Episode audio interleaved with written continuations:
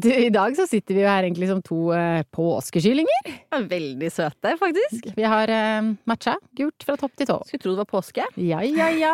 Du har jo en litt sånn eh, 70-tallsinspirert eh, blomstermønsterkjole fra Faithful the Brand. Den var Mm. veldig fin. Tusen takk. Den føler liksom minner meg om en litt sånn 70-talls eh, voksdur. Ja. Eller et sengetøy eller noe sånt. Og så nailer du det der kjolegreiene i graviditeten. Det er imponerende. Det er, tusen, tusen ser takk. sykt fresh ut. Ja. Du, i dag så skal vi eh, kjendisjabbe litt. skal eh, dele en eh, flause fra min karriere, og du skal fortelle litt om hva du egentlig driver med, Hanneli. ja, hva gjør jeg egentlig?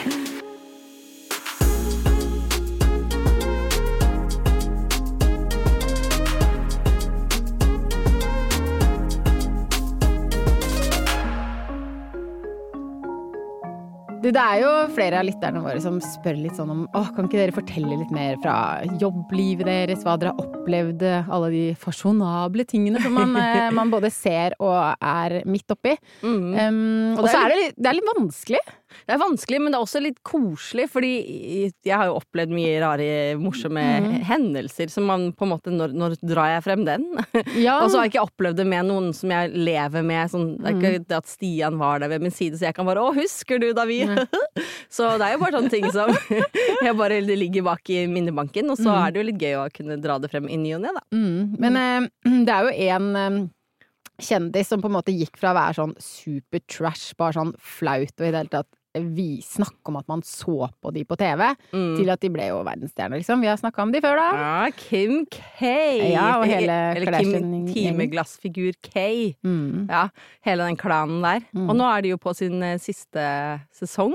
Mm. Jeg ble litt sånn ufrivillig dratt inn i det programmet, og så er det sånn, fordi jeg har sett på det med en venninne i New York for mange, mange mange år siden da det var nytt, så, eller relativt nytt, så følger man liksom med, og så sitter jeg liksom og jobber ved siden av, og så har det på litt sånn i bakgrunnen, men, Mm. men jeg, har, jeg får det jo med meg. Altså, jeg er misunnelig, jeg har prøvd mange ganger jeg, å liksom bli dratt inn, for jeg syns det er så deilig å bare ha noe sånn dritt noen ganger å se på. Jeg klarer ikke å komme inn i det, så at jeg bare Jeg har et helt annet blikk Men på deg. Jeg tenker har- heldige deg. Kødder du? Ja, men Nei. jeg føler meg Jeg syns det er skikkelig flaut. For at det, er sånn, det er stigmatisert å se på Keeping Up With The Car. Det er kjempeteit. Men det som er veldig komisk, er jo hvordan de er i dag. Hun er, Mm. liksom, hun er gift nå, snart skilt sikkert, da, med Kanye, og hva som har skjedd med den der familien. Men det er jo sykt fascinerende hvor, hvor det liksom startet Var det en sextape? Altså at Mm. man kan gå fra å være litt sånn venninna til Paris Hilton og en sextape til der hun er i dag, hvor de Mm. bare Altså, de tjener så ufattelig mye penger, og da kan Mm. folk sitte og si ja, men hva er det de egentlig er kjent for deg? Mm. De er flinke til å være kjendiser. Altså, den, den litt, begynner å bli litt gammel. De er Ja, ja. dritflinke, liksom. Mm. Og så kanskje litt mye sånn ans- ja, ansiktsoperasjoner og ting og dag, men, men de er jo skikkelig flinke. Ja, ja.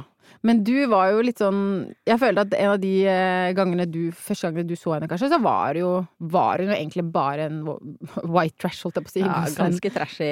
Det, det er kjempefascinerende å tenke tilbake på, fordi jeg var på en, eh, en til CFDA-middag med Vogue, da. Den derre middagen hvor de driver og kårer liksom neste nye up and coming designeren, og det er bare de som jobber liksom de som virkelig har foten, alle føttene innafor i bransjen, som bare er der. Så det er veldig kult å være der. Og da eh, serverer Vogue og Anna Winter alltid Shepherd's Pie, som hun elsker, og jeg syns det er dritgodt. En britisk rett. Eh, og så sitter man der på forskjellige liksom, langbord med designeren man kommer med. Så Mm. ett år kom jeg med Helmut Lang, da de var liksom veldig hotte.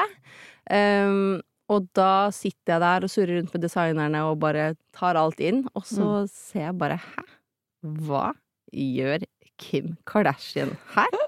Og hele rommet tenkte akkurat det samme. Og hun kom med Zack Posen, Ja. og så er det Som jo fast det er også en, dam, en, En- amerikansk designer. ja, en amerikansk dam. Han var veldig stor, Mm. og akkurat da var han litt sånn interessant fortsatt, men nå Mhm. har han kanskje mista grepet litt. Han er Mm. fortsatt en dyktig designer, men kanskje ikke så kul som han var, for da var han ung og kjekk og hadde søte Mm. krøller, og han var liksom litt sånn yndling, en sånn nye sånn oh, who's that, Ja. liksom. Mm.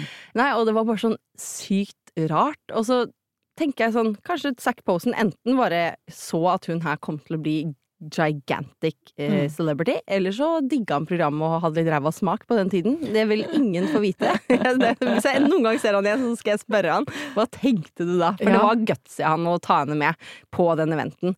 Eh, det som er morsomt, er at jeg husker liksom Det var ikke det at alle gikk og sa til hverandre 'herregud, hva gjør hun her?' men du bare skjønte det.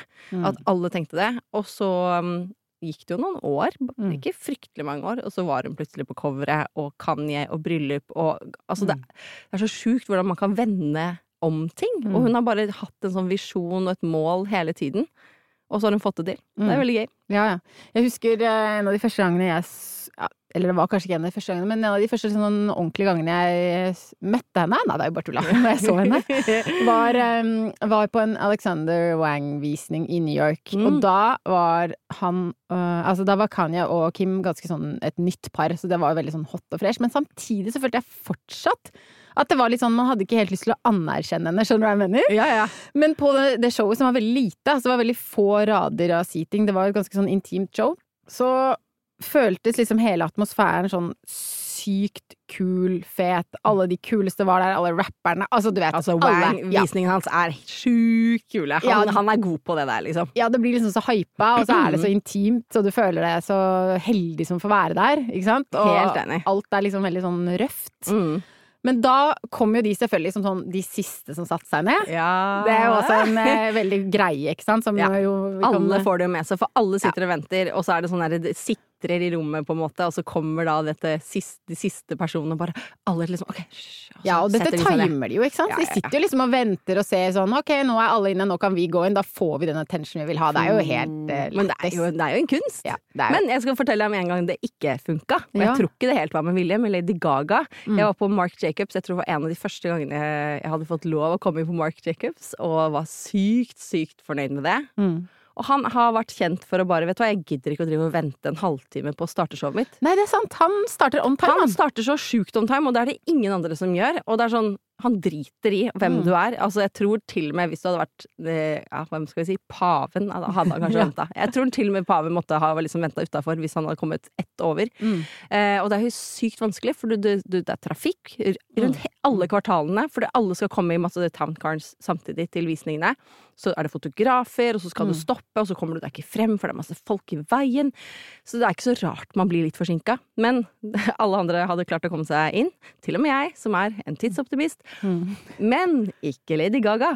Så det, hun kommer seg inn, men hun ikke å, rekker ikke å gå og sette seg ned. Og alle de som jobber da for produksjonen, har fått streng beskjed at ingen får sette seg ned etter liksom det her klokkeslettet.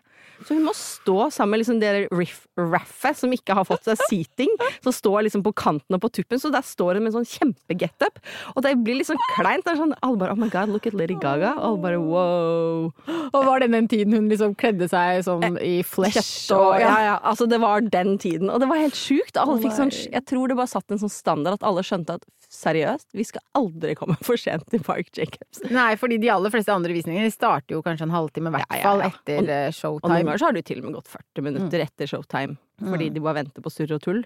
Men det, er, det beviser jo liksom bare alt det vi snakker om, beviser jo at det alltid egentlig har vært litt sånn at det er veldig mye utenfor catwalken som betyr masse. Ikke bare det med streetstyle-fotografering Mm. og alle disse som vil bli tatt bilder på utsiden. Men uh, altså, front row har jo alltid vært liksom en sånn kjempegreie. Altså. Eh, greie. For jeg husker jo da når, eh, når Kim K og Kanye satt der, så var det jo på en måte litt sånn Jeg følte jo faktisk at de aller fleste så jo mer på de to enn på showet. Jeg kødder ikke. Og det var liksom folk som er vant til å se celebs, liksom. Men det er faktisk Morsomt. det er et veldig godt poeng. Jeg har jo vært på Jeg møtte de på um, en Shivanshi-visning i New York. De Ja. hadde den gigavisningen ute på en eller annen pier. Og da var jeg bak. Jeg tror jeg skulle gjøre noe greier for kostym. Ta noen bilder og litt sånn ja, greier. Og Anna Skavlan gikk visning, og hadde masse sånn nydelige diamanter, og Pat McGrath gjorde makeup. Altså, det var skikkelig gøy, for da var jeg liksom titta litt bak og sånn.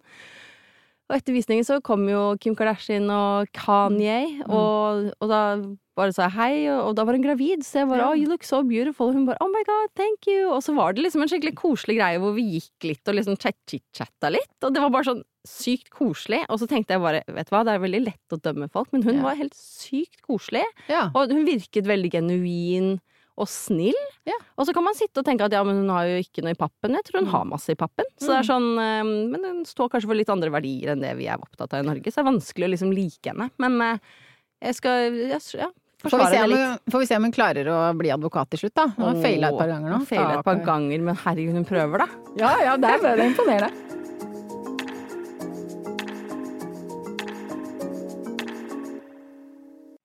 Men du, vi er jo så heldige å ha med oss Dermalogica som annonsør. Ja, det er vi kjempeglade for. Det er digge produkter, ass. Og en ting som jeg ikke var helt klar over, faktisk, det var at det er skikkelig, skikkelig viktig å bruke C-vitamin på sommeren også. Det har jeg tenkt egentlig var litt sånn etter sommeren, men det er feil. Mm, og jeg har ikke vært så god på C-vitamin, punktum, egentlig. Så jeg har lært ganske mye av å sette meg inn i disse nye produktene. Er C-vitamin-serum-kittet deres med det er øyeserum, og så Ja. er det en, en sånt eh, serum til huden. Biolumin C. Det er riktig. Og det som er så bra med det, er at det er et eh, stabilt C-vitaminkompleks. Og det gjør at det gir huden massevis av fukt og glød, og eh, bekjemper pigmenteringen også. Ja, og det er så sykt, eh, sykt bra. Jeg merker skikkelig forskjell. Huden ser liksom bare litt mer sånn eh, levende ut, mm, ikke så grå. Altså Ja, og jeg, har- jeg har egentlig alltid vært sånn opptatt av å ta C-vitamin, for det er jo en av de få tingene som er dokumentert å ha effekt på huden. Oi, så jeg- du kan? Det Nei. visste ikke jeg. Ja, det Nei. er faktisk eh, Mm. viktig. Så jeg har vært god til både å ta det og også bruke produkter. Men jeg, et av mine favoritt-C-vitaminkompleks for huden er jo det biolumin. For det er, det er kjempe, kjempebra, og det er veldig lett å trekke fort inn. Og det legger seg ikke utenpå huden sånn i forhold til makeup det og sånt. sant. Det Mm. trekker liksom ordentlig inn, og så syns jeg det lukter sånn spennende og godt på samme tid. Og det syns jeg er litt viktig at produkter ikke lukter irriterende eller blir sånn voldsomme. Så hvis du ikke allerede er på C-vitaminkjøret for huden din, så er det bare å kaste seg på, for det er faktisk kjempeviktig for å motkjempe blant annet rynker.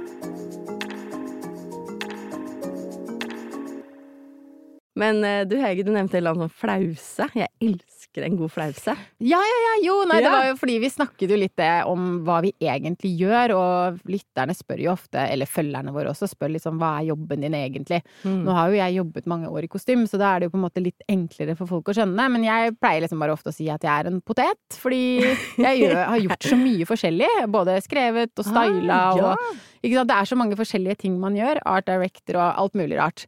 Men eh, Potet har ikke jeg hørt før, men ja, men det forklarer Ja. du kan brukes til alt, liksom. jeg kan brukes til Du kan brukes til alt, Her er jeg. Pommes frites og bot- Amming! Nei da. Men eh, nei, jo, så um, var det en gang Nei, det, var, det her begynte jo vi to å prate om, og så var det en gang jeg var i Paris, for jeg skulle gjøre et intervju. Um, og da hadde jeg ikke gjort så mange intervjuer heller, av sånne større kjendisintervjuer. Var det her da du jobbet for kostym? Det var da jeg jobbet for kostyme.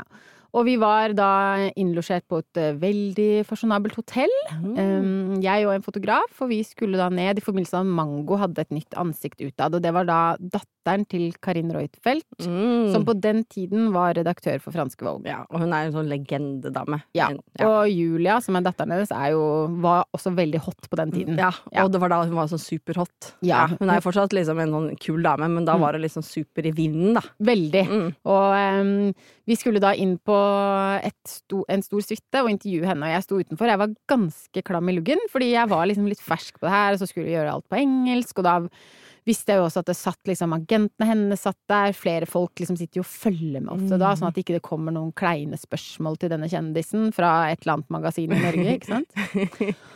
Og jeg liksom lader opp, jeg har papirene mine klare, og hva jeg skulle spørre om og alt mulig. Jeg hadde gjort ganske mye research på henne, bare for Mm. å ha litt kjøtt på beina. Du vil jo alltid på en måte være den eh, som kommer inn og som har liksom virkelig gjort jobben din. Ja, og det merker man som intervjuobjekt. Nå har jeg blitt intervjuet noen Ja. ganger, da merker man det hvor deilig det er når noen virkelig har giddet å sette seg ned og gjøre litt research, istedenfor å bare liksom Ja. være helt blank. Ja. Og det, da får du liksom bedre selvfølelse. Da er det mye hyggeligere å snakke med en person også. ja, da blir det jo Man, man håper jo på en sånn slags kjemi, da, Mm. som man kan bringe med seg videre når man skal hjem til Norge og sette seg liksom foran Mac-en og klunke ned et lite intervju. Og så kommer vi Og så åpner de døra, og så sier hun dama som da var fra Mango, hun kommer og så sier hun sånn Men forresten, vi har jo eh, også en annen jente her, som er også med i samme kampanjen. Eh, så jeg tenkte kanskje, fordi Julie er litt forsinka, så jeg tenkte kanskje dere kan intervjue henne først. Og jeg var jo allerede dritstressa, og da er vi jo bare på vei inn i den suiten, og der står det en eller annen modell som jeg aldri har sett i hele mitt liv, som var en sånn blond, kjempesøt jente. Og et crew av sånn selvfølgelig sinnssykt seriøse, ekstremt selvhøytidelige franskmenn. Åh, de er Altså, det det var så jævlig, og jeg bare kjente at du vet, jeg kan bli litt rød i kinna, for å si det sånn. Jeg ble så rød. Blustete rød Altså, og rød svett. tomat. Og det var helt så stille der inne, så på en måte ordet var jo mitt. Å nei! Og jeg sto der med papirene mine og tenkte hva skal jeg spørre om? Så det var så grusomt. Og det begynte liksom med at eh, jeg spu- stilte et spørsmål som hun var sånn Ja, men jeg er jo ikke en del av den kampanjen. Altså, Nei! alt gikk feil. Alt gikk feil. nei, nei. Og jeg prata sikkert kjempefort, som jeg gjør når jeg blir litt stressa, og eh, klarte jo liksom å lande det med at jeg avtalte med fotografen at vi må bare ha en lang fotosession. Så vi tok så mye bilder av hun jenta her, som altså Jeg fikk sikkert veldig god selvfølelse på. Og de digger meg sikkert. Ja, og så begynte jeg selvfølgelig mens jeg sto der og prøvde å google hun dama. Det var hun sykt jenta. smart. Ja. Ja. Men jeg kom jo ikke langt med det. Og da, når man står der litt febril, så klarer man ikke å tenke, og da står man egentlig bare liksom bare, Ja, det går jo ikke. Så når jeg da skulle intervjue Julia, så var jeg jo helt utslitt. Jeg var jo mentalt. Jeg var helt gåen. Jeg kom inn, og det var jo det enkleste jeg hadde gjort noen gang. For da tenkte jeg herregud, det her går jo på skinner. Jeg kan jo alt om deg. Og det var bare sånn.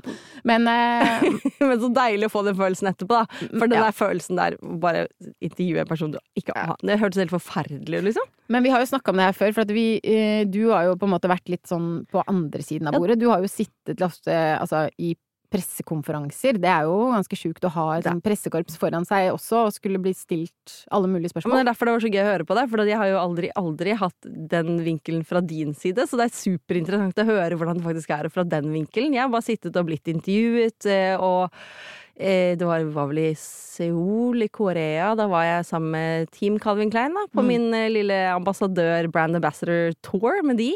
Um, og da skulle de intervjue meg også. Og jeg bare Ja. tenkte ok, her har dere designeren. Og så er det sånn, designeren er en voksen mann, så jeg skjønner Mm. at de vil ha litt sånn der, hey, en litt sånn ung jente som kler seg i Calvin Klein, det ser liksom Mm. bra ut.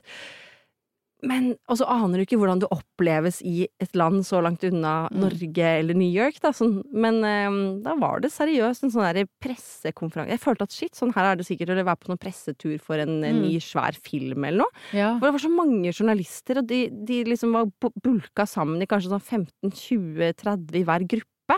Og så satt vi inne på forskjellige rom, og jeg måtte liksom, så kom det en som sa sånn Hanley, Hanley, can you come with me? Ok, ok, thank you everyone, oh, la, la. Og så skulle jeg til neste rom, og så var det sånn en, en ny gjeng.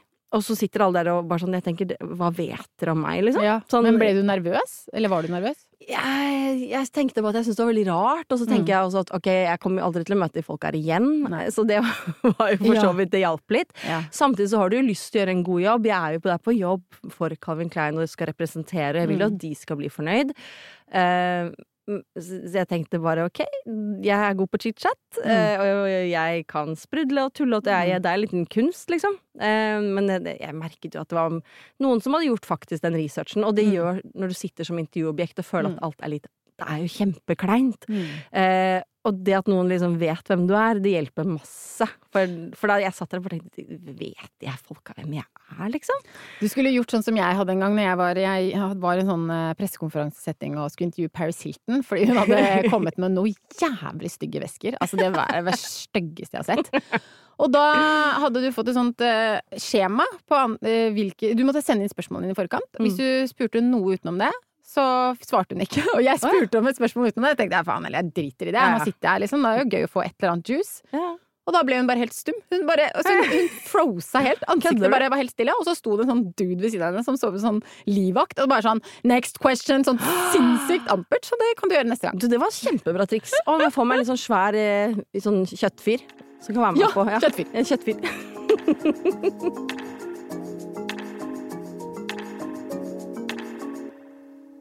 Men du, apropos Calvin Klein, du eh, henviser jo ofte til at du har jobba for de og sånn. Ja, for det har jo vært så lenge. Det var, var, varte jo så lenge, det samarbeidet. Mm, Ja, men jeg, jeg må ærlig talt si utover det at dere har gått på middager sammen, og at du har vært med de på Met-gallaen Ja. og liksom Vært litt sånn ambassadør, da. Mm. Hva, hva har du egentlig gjort? Hva gjør man i en sånn situasjon? Det tror jeg mange lurer på. Ja, og det, det er kult at du spør, for det, det, er, det er litt sånn omfattende. eh, Mhm. samtidig som eh, jeg tror ikke verken Calvin Klein eller jeg visste egentlig hva det samarbeidet skulle være da vi startet, Mm. men vi visste at vi skulle gjøre noe sammen. Mm. Så som du sa, det å være med på middager, liksom representere brandet. Det som var viktig for de, til å begynne med, var litt at det skulle komme en De ville jo være med på, på det som på en måte var moderne, og Mm. de så at ting på sosiale medier begynte å bli viktig. Mm. Og da, var ikke, da hadde de ikke Instagram-konto. Det var liksom Facebook og Tumblr som var da. Mm.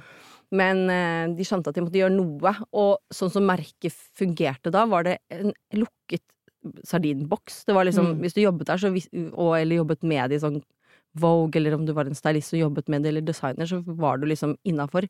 Men ingen hadde noe innpass. Det var ikke noe sånn open door og fikk noe inntrykk av brand i det hele tatt. Så jeg føler at rollen min hovedsakelig til å begynne med skulle være litt sånn derre å være litt sånn mellomledd. Ja, sånn derre å, men vi er jo veldig koselige selv om vi er jævlig skarpe i kantene også. Ja.